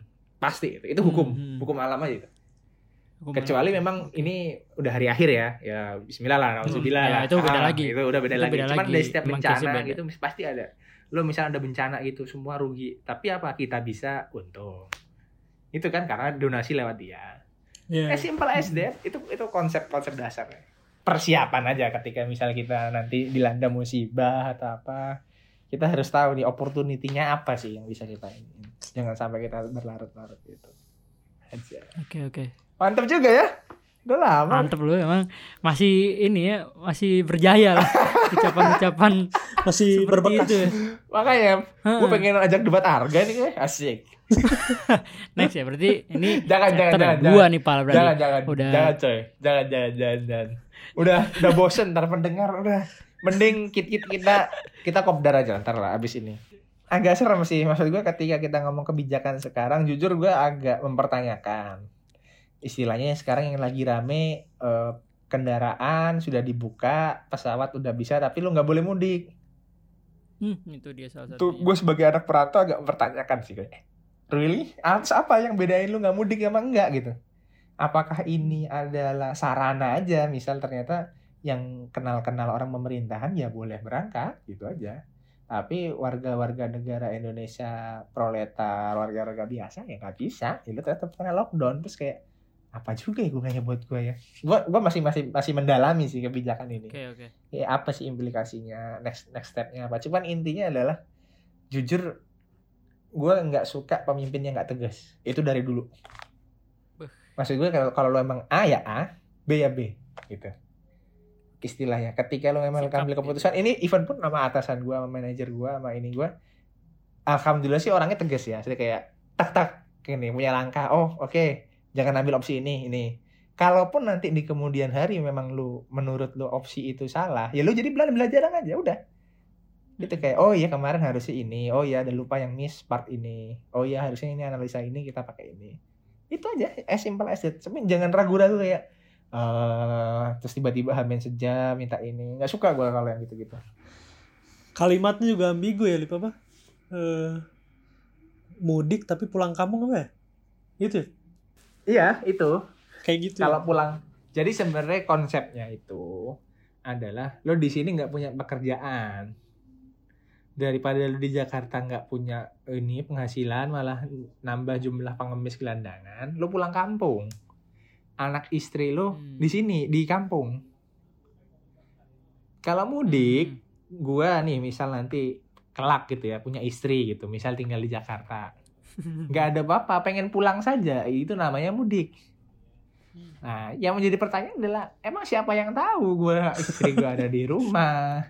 Ya kalau misal nih gue bilang ini kan KTP gue belum KTP Jakarta nih masih KTP Gresik. Oh, harusnya gue iya, bisa iya. pulang. Bisa itu, bisa. iya kan? Pulang kampung. cuman karena gue malas saya misal tiba- tiba-tiba ternyata pesawatnya di cancel atau misal gimana saya kayak gue anggaplah ini momentum lebaran gue nggak sama bokap nyokap Hmm. istilahnya cobalah gue gue pengen ngerasain vibes-nya gitu. Oh iya, at least tidaknya next time misal di umur lu 40, 50 ntar anak lu misalnya yang kena.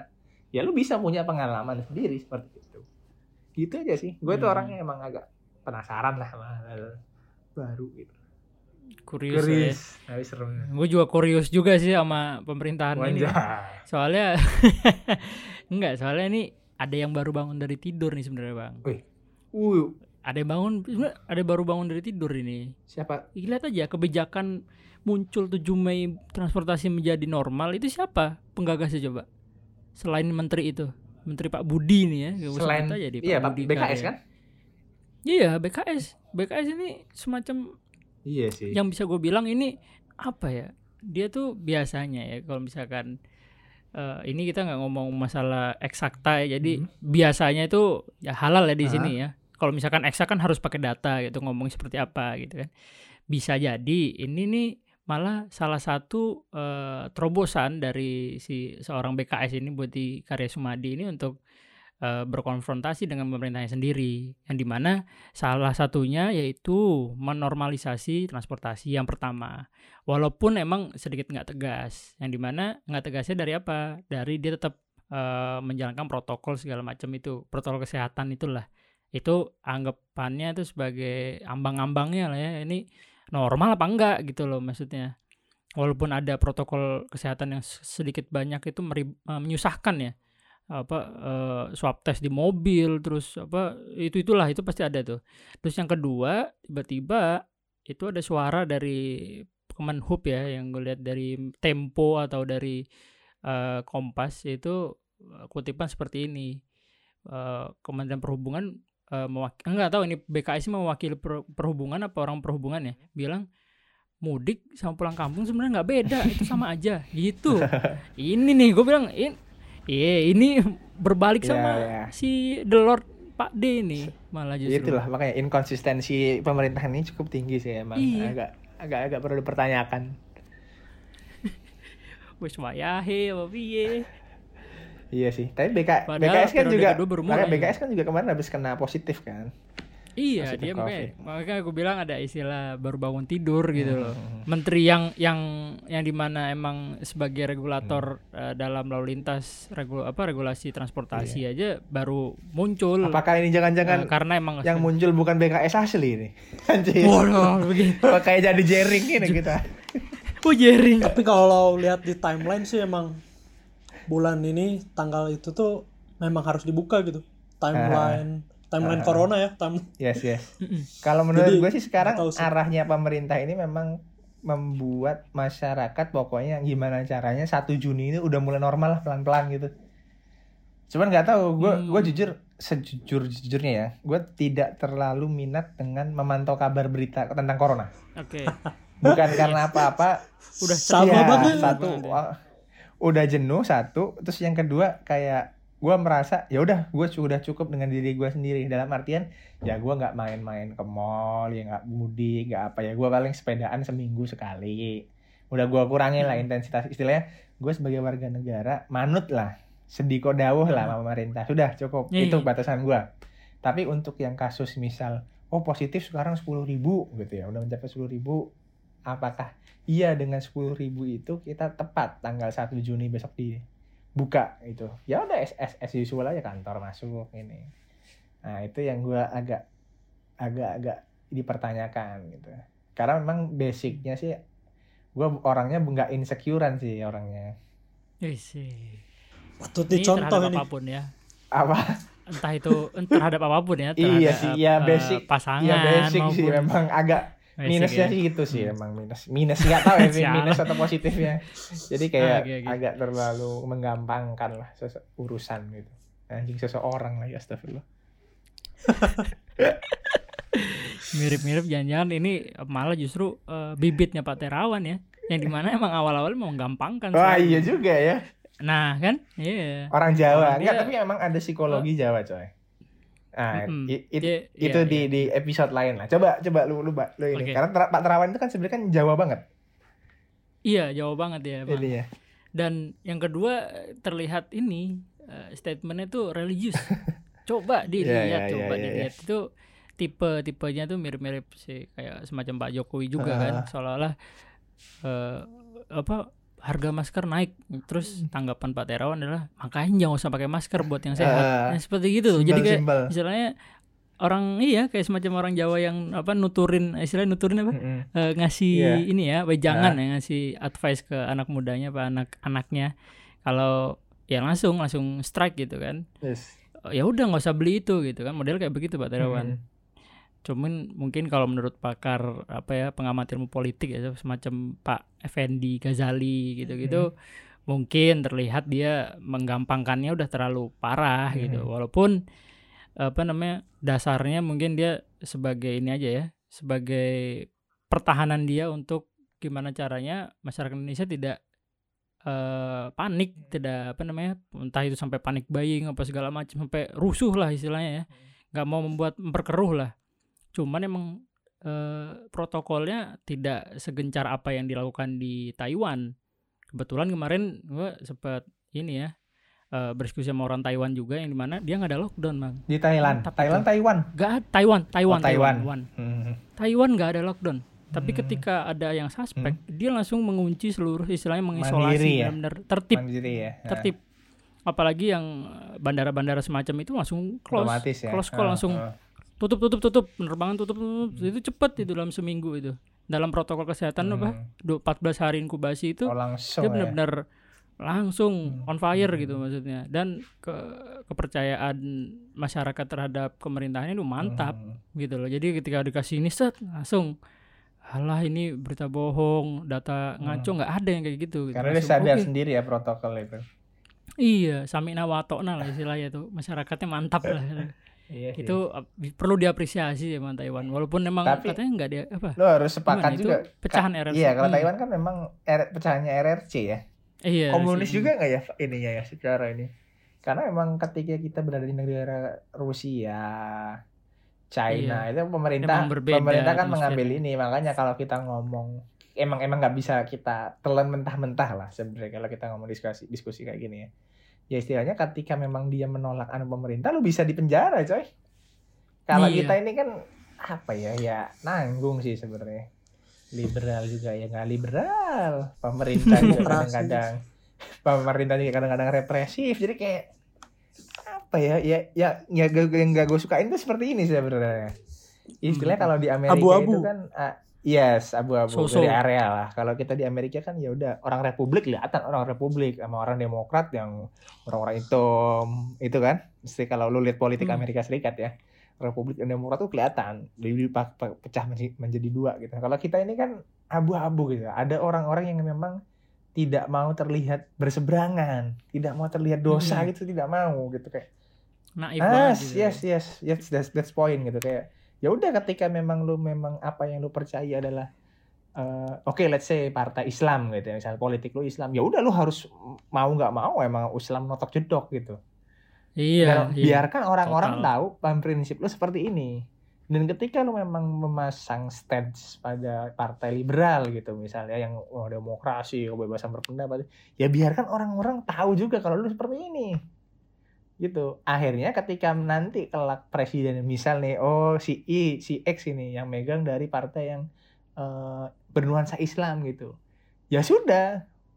Ya sudahnya dalam artian ya nanti apa kebijakan apa istilahnya kebijakan haluan dasar atau mungkin em, pilihan menteri ya emang dari rezim itu dan emang istilahnya ya otomatis dia juga harus bisa mengakomodir tadi ya masalah keterwakilan lah masalah ini. Cuman setidaknya stance-nya jelas gitu loh. makanya agak nggak apple to apple selalu kita bilang oh enak negara ini bisa isolasi mandiri ya. Nggak agak nggak terlalu ini sih lip. Kayak Iya, iya. nggak semudah itu bro. Gitu bro.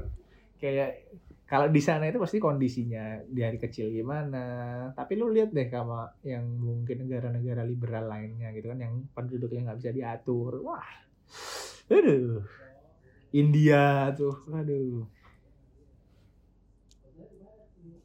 Iya benar-benar.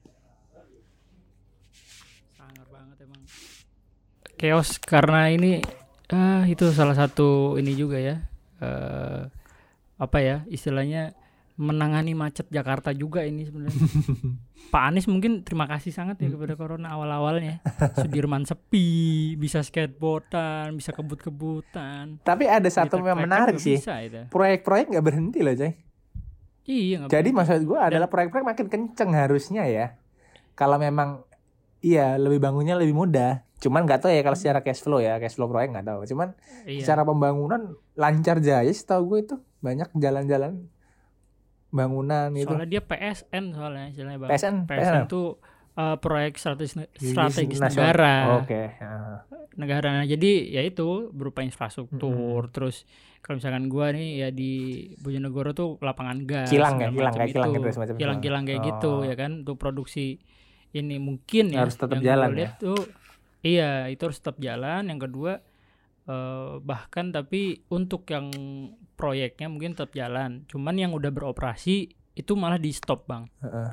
kayak semacam di refinery unit 5 di Balikpapan Heeh. itu stop dia Oh. stop, Stop produksi, produksi. sama sekali stop produksi sama sekali kilangnya Hmm. gitu pak Karena nah terus ya karena ini harga minyak turun Oh, oke. terus itu permintaan ya, permintaan turun, permintaan di turun ya. itu Ah. tuh demand juga turun itu di, turunnya udah parah Di anjlok. gudang juga masih ada gitu ya. istilahnya. iya storage masih banyak gitu kan akhirnya stop Oh, as cuman katanya ya. kalau menurut pekerja pekerjaannya malah karena eh, kilang itu stop itu malah kerjanya double kata dia yaitu ya maintenance ya Oh, overhaul iya. segala macem gitu kan kilang mumpung lagi stop stop ini jarang orang-orang kan kalau yang di site itu sebagai Iya, iya, iya, iya, seorang operation ya kan operation Iya, iya. engineer kan Nah, waktu istirahat Itu kan. udah Hmm, me- hmm. mesinnya udah auto ya. Kalau giliran gini langsung Iya. udah bersih-bersih, ganti part Iya, rusak. jadi malah oh iya iya. iya. itu sebuah kesempatan yang dilihat dari eh, korporat untuk menambahkan jam kerjanya. Justru Hmm. itu justru. Karena ya itu tadi Benar, benar. jarang melakukan maintenance ketika sih. operation gitu katanya. Sip, sip, sip. mungkin kalau di shipping gimana pak? Lu tadi kan kita udah bagi pandangan nih kan di telco gimana? Mungkin di oil and gas sih di shipping malah makin besar apa tergantung sih shippingnya loadnya sih. shipping apa dulu sih sebenarnya. Kalau yang ya spesifik dulu tuh? kontainer ya pasti menurun soalnya manufaktur kan semua di Cina. Uh, Mhm. barang-barang. Yang paling kelihatan tuh ini dropshipping kan. Kayak misalkan kalau di US tuh ada web ya kayak platform namanya Shopify.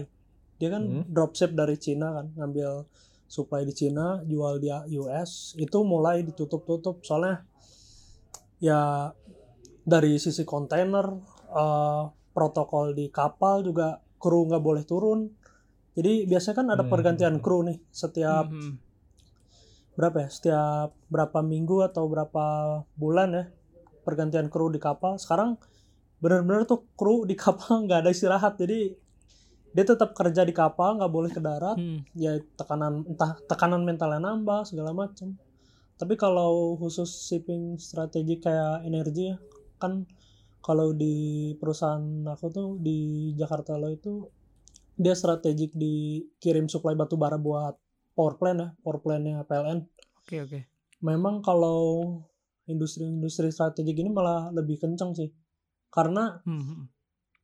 mau nggak mau eh, apa ya supply energi listrik terutama eh, harus dijalanin terus sih tapi permasalahannya karena corona ini tambang-tambang Hmm. terutama tambang-tambang yang kena sama power plant-nya sendiri ya tadi itu jam Yes, yes. keluar masuk pergantian Ah. shift itu sih paling krusialnya di situ pergantian Paling shift sih pergantian Coy, shift. Jakarta lo itu BUMN ya? Baru tahu. BUMN. Baru tahu gua asli asli asli asli.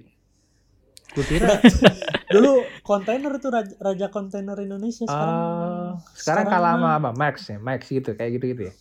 Sekarang dia nggak main kontainer lagi bang sekarang Malah jasa kapalnya itu ya antar ini. ya. dia eh, kapalnya doang tapi ngangkut lebih kayak apa ya crude kayak batu bara Oh, oke nikel oke oke. Oke. tembaga. Tapi BUMN ya gue. BUMN. Kalau Pelni yang ini ya, kalau pelayaran ya. Pelni dia passenger Pas pakai passenger ya, lebih ke passenger ya. tapi main sekarang Pelni main batu bara juga Hmm. padahal di peraturannya ada kan di peraturan Ya ya nggak boleh, pasti Ah. ada. nggak boleh makan jeruk makan jeruk lah istilahnya Hmm. Oke oke. Nice nice nice insight. Mungkin nih udah udah satu jam setengah Iya, nih ya. Mantap nih. Bagi editor mungkin sulit Nah, ini. udah lah. Saya serahkan ke anda lah, karena saya suka baca tapi nggak suka ngedit memang. Diakhiri aja mungkin ya Pak. Ntar kalau misalkan ada bahasan selanjutnya lebih seru, lebih ngundang orang lagi bisa jadi 4 sampai 5 orang bisa. Tapi gini coy, kalau kalau lagi gue saran sih ya sebenarnya. Ini emang boleh sangat. eh, saran buat podcast podcast itu memang waktu paling efisien itu sejam. Iya, ya, Mm, benar. sejam Kalau lu udah di atas sejam itu sebenarnya udah, udah cukup bosen lah, karena ini kan ini Udah cukup memang bosan bener. audio ya. Kalau gua, gua Audio. nonton film aja satu setengah jam, kalau yang film-film gak gue suka banget gitu, satu setengah jam, Hmm. 41 jam, 40 udah bosen gua. Nah, Kayak, bosan bener. ah, ya, Iya. apalagi ini eh ini kan berarti nggak akan lu masukin kan ke Iya, iya ini enggak, ini enggak, ini eh, enggak. istilahnya eh, satu durasi, yang kedua mereka mereka ini kan sebenarnya nggak ada terikat keterikatan sama kita kecuali ya mungkin orang-orang Hmm, ITS atau mungkin kalau Iya, podcast iya. kan sebenarnya kenapa sih kuat Podcast- kalau orang kita yang- sini dek kalau podcast podcast yang terkenal itu kan sebenarnya eh di Instagram istilahnya rata-rata selebgram atau apa jadi dia dia punya Iya, stance iya. dulu Cuman orang mm, orang akhirnya mm. dengerin gitu. Nah justru kalau yang di sini gue nganggapnya kenapa inner circle dulu Hmm. yang pertama ya itu sih Pak ya Eh, kita apa lebih terbuka ya Hmm. untuk eh, program eh bukan program bahasannya jadi Ah. bahasannya itu yang bisa diterima sama eh, nggak cuma anak ITS gitu. Mungkin umum sedikit yes, yes. ninggung-ninggung ITS Hmm. is okay. Hmm. ya kan? Membawa kampus ya is okay lah. sama ini lip. Lo tahu ada ini nggak? Podcast anak ITS Despro merawat ingatan. Wah itu beda. Itu we beda lagi tuh levelnya itu ya. Nih, tapi tapi, tapi, tapi lo pernah ini nggak? Pernah dengerin? Pernah pernah pernah lihat. Pernah lihat kan? Eh, pernah pernah dengar pernah dengar asik gitu. asik coy. Karena Asik memang anak-anak ini kayak inda- industri Iya. kreatif gitu ya jadi iya industri kreatif asik gitu gue Dia gue full. dengerin juga Mm-mm. itu si Krisna kan Krisna kan kominfo juga iya kan si Krisna iya Krisna Ade ya kan? Ah, oke. kemarin nggak usah ada Ade juga Ah, ini, asik sih asik gue kayak bintang tamu menarik iya, iya. menarik ya beda lah basicnya beda lah Ah. ininya pangsa pasarnya mungkin yang bukan seorang kritis apa yang lebih bersih eh, berpemikiran ini ya kreatif ya mungkin ya Ah, lebih- otak otak kanannya lah. Nah ini kita kan ya otak kanan juga iya yang kiri juga iya yang gitu. punya Itu yang otak kiri juga Nah. juga kan masuk juga emang kalangan terlalu besar gitu emang, pokoknya emang kemaruk emang undang gua kalau ada Fajri Wah, Siapa tahu kita bisa berdebat gitu. bisa gitu. Jangan ntar lagu langsung matiin semua chat semua. ya. Udah nggak bisa. ya, Nggak bisa. Biarin. ya wis lah Yuk, closing dulu kali ya closing closing saya. jadi jadi gini ya nanti seperti kamennya se- sebuah podcast ya Yes. Kalau misalkan ntar kan ada ada closing closing terima kasih bla bla blanya kan ya ntar bersama gue Alif terus yang kedua Noval dulu Oke. habis itu Novangga Oke. Siap, siap. gitu Ya, ya ya.